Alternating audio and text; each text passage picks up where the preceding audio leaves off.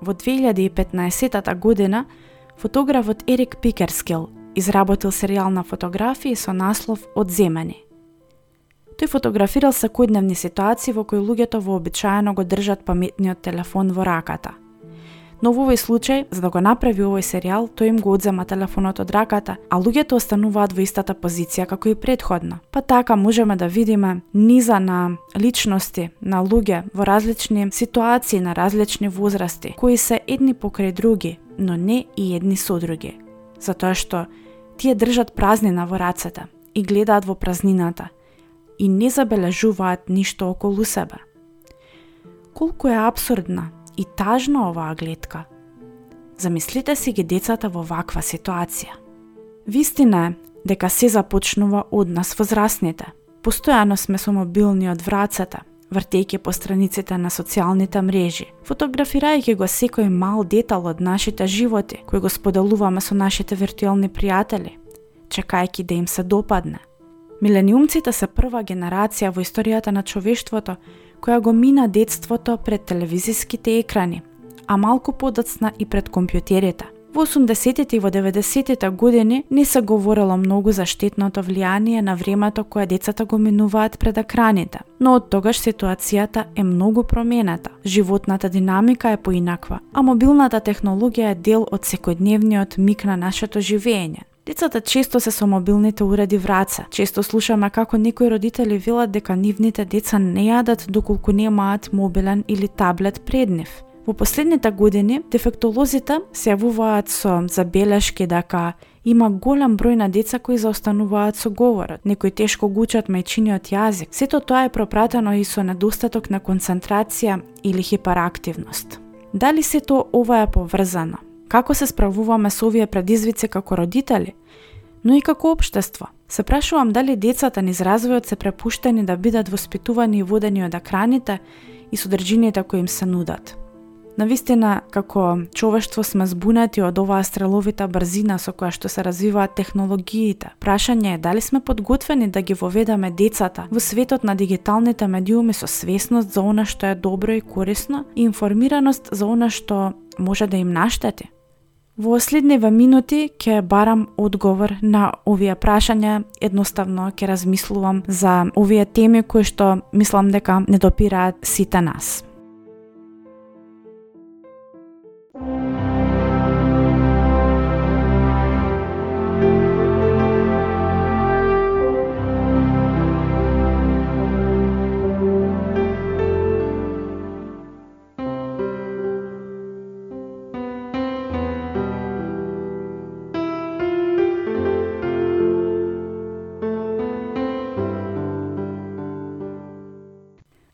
Здраво, добре дојдовте на Летеа. Во потрага по одговори на овие прашања го сретнав терминот екранизам. Екранизам е термин со кој во психологијата се означува негативното влијание на екраните врз мозокот на детето и зависностите кои можат да се јават при неумерено користење на технологиите во детската возраст. Технологијата неминовно е дел од животите на денешните деца. Таа ги следи уште од првите денови на животот.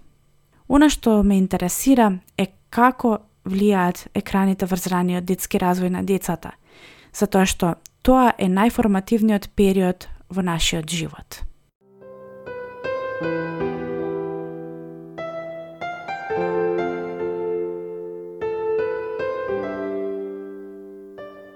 Она што има најпотребно за развој на малите бебиња и на децата до 3 годишна возраст е запознавање на светот и обкружувањето преку сензомоториката. Тоа значи истражување и наблюдување на реалниот свет, со што сетилните органи ќе примаат впечатоци кои ќе создаваат нови врски во мозокот. Фасцинантен е фактот дека мозокот е орган кој се развива најбрзо во првите три години и сите позитивни и негативни влијанија кои ќе се случат во овој период оставаат белег врз овој развој. Се повеќе теории одат во прилог на тоа дека користењето на екраните во оваа возраст може да има негативни влијанија врз развојот. Но зошто би рекле кога се нудат безброј едукативни содржини за деца, песнички, цртани, интерактивни игри, а можеме и да забележиме со колкаво внимание децата ги гледаат. Што има тука лошо, би се запрашале. Одговорот е малку по-комплексен.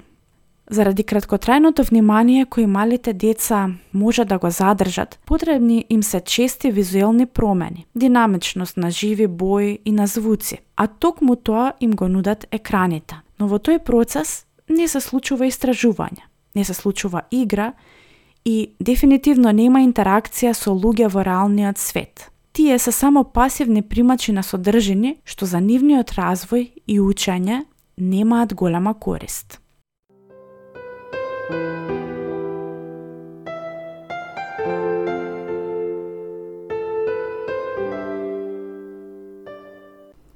Кога бебето ќе се роди, тоа ги има скоро сите неврони кои некогаш ќе ги има во животот.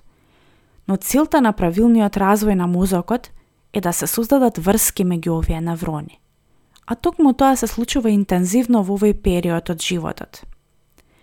За бебињата, екраните се само проток на дводимензионални слики, кои во просек се менуваат на секои 6 секунди и за нив немаат меѓусебна поврзаност и смисла. Пред да започне детето да учи, со помош на екран, тоа мора да биде способно да ги поврза тие слики во смислена целина. А тоа не се случува до 3 годишна возраст. Когнитивниот развој се случува во многу краток временски период, па така комуникацијата на децата со околината е клучна, затоа што таа им помага континуирано да прават нови откритија за тоа како светот функционира, за тоа како да да одат, како да говорат, како да лазат, како да ги користат секојдневните предмети кои што ќе им бидат потребни во секојдневниот живот подоцна. Сето тоа го учат од луѓето со кои се во интеракција. Родителите се првите и најважните личности во овој процес. За правилен ран детски развој, потребна е интеракција лице в лице, со чија помош децата го учат јазик, учат за емоциите и за тоа како да ги регулираат. Сето тоа го прават со помош на наблюдување на родителите, гледајќи ги како разговараат, како се однесуваат, како комуницираат, како реагираат. Но доколку родителите, а подоцна и децата, гледаат во своите екрани, ова нема да се случи.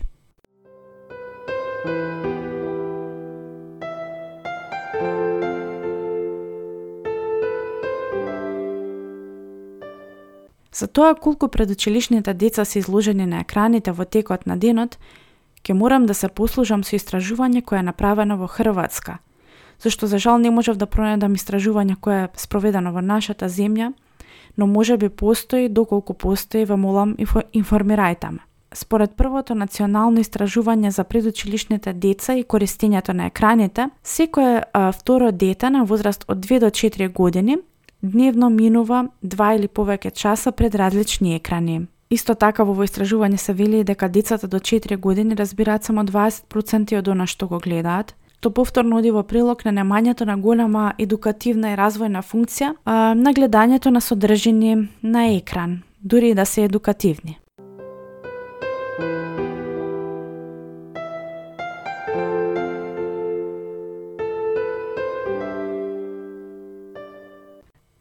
Какво е влијанието на екраните врз говорот? Повторно првите три години се клучни за учењето на новиот јазик и за градењето на комуникацијски патишта кои ќе ги користат децата во текот на целиот живот. Зашто комуникацијата е повеќе од учење на вокабулар. Оној кој говори одговара на јазикот на телото на оној кој го слуша и одговара во согласно со она што го забележува. А оној кој слуша користи невербални сигнали за да добие подлабоко значење од она што го кажува говорникот. Се повеќе може да се пронајдат научни студии кои го истражуваат ова подрачје. Студијата на Универзитетот во Бангкок вели дека децата кои започнале да гледаат телевизија пред 12 месечна возраст и кои гледале повеќе од 2 часа дневно, а имале тенденција 6 пати повеќе да имаат задоцнет говор. Студијата пак од на Хелена Дуч од Колумбија универзитетот вели дека децата кои гледале повеќе од 2 часа дневна телевизија имаат зголемен коефициент за послаб развој во комуникацијата. Во други научни студии се истражува како времето минато пред екраните влијае на проблеми со вниманието, краткотрајна меморија и тешкотии со читањето, што исто така игра улога врз способноста на детето да научи јазик. Американската академија на педиатри препорачува децата до 2 годишна возраст воопшто да не користат екрани. Под екрани се подразбира компјутер, игри, видеа, DVD, таблети. А за децата над две години препораката е 1 до најмногу 2 часа дневно, иако се вели дека помалку е подобро. Тоа значи дека е потребно контролирано време од страна на родителите и квалитетни содржини кои ќе бидат внимателно селектирани од страна на родителите. Ако детето поголемо од две години веќе јавува проблем со говорот, дефектолозите препорачуваат исклучување на секаков вид на уреди барем за 30 дена, а потоа постепено воведување на минимално време пред екранот.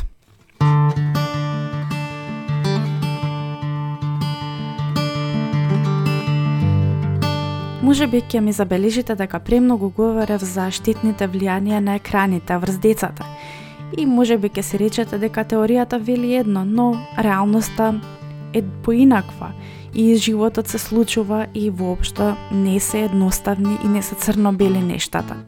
Се согласувам со тоа и знам дека е тоа така, но сепак имајќи ги сите овие факти на увид, имајќи ги сите овие информации, сметам дека треба да ги пренесам до, до останатите, до сите вас да, да размислиме и да направиме некаква промена во однос на воспитувањето на децата и а, нивниот однос кон екраните, односно кон паметните телефони и сите мобилни уреди кои што им се надофат. На крајот изборот останува на родителите, нормално каква средина ќе има возможат на децата, дали ќе одберат да имаат контролирано време пред екраните или едноставно ќе им ја дадат слободата тие самите да одлучат што и како ќе гледаат и колку време ќе гледаат. Сепак гледаме колку и нам како на возрастни луѓе а, вниманието ни е расеано на сите овие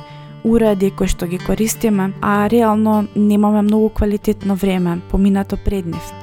Па затоа обидете се да да донесете вистинска одлука во врска со технологијата и воспитувањето на децата и времето кое што го минуваат пред неа. Затоа што последиците кои можат да ги почувствуваат понатаму во нивните животи ќе бидат на вистина тешко поправливи. Она што можете да го направите како родител или како некој кој што се грижи за за идни за младите генерации е да им обезбедите добра средина која што ќе ги мотивира, ќе ги потекне на учење, на развој, на истражување, затоа што сепак тие се подготвуваат за реален свет, за реален живот и комуникација со луѓе некои родители се одлучуваат воопшто да не понудат мобилни уреди на децата до одредена возраст, а доколку се одлучите за таков чекор, тогаш има многу идеи за пополнување на времето, кое што го имаат децата со зголемување на физичка активност, со потекнување на независна игра, со введување на рутина, на правење на одредени активности за кои што секако можете да да најдете инспирација на многу места. Се надевам дека слушнавте некои корисни информации во врска со оваа тематика. Доколку ви се допадна овој подкаст, споделете го со вашите пријатели кои сметате дека би ги интересирала оваа тематика. А останатите мои подкаст емисии можете да ги слушате на Google Podcast, на Spotify и е, на Mixcloud и секако на letea.mk.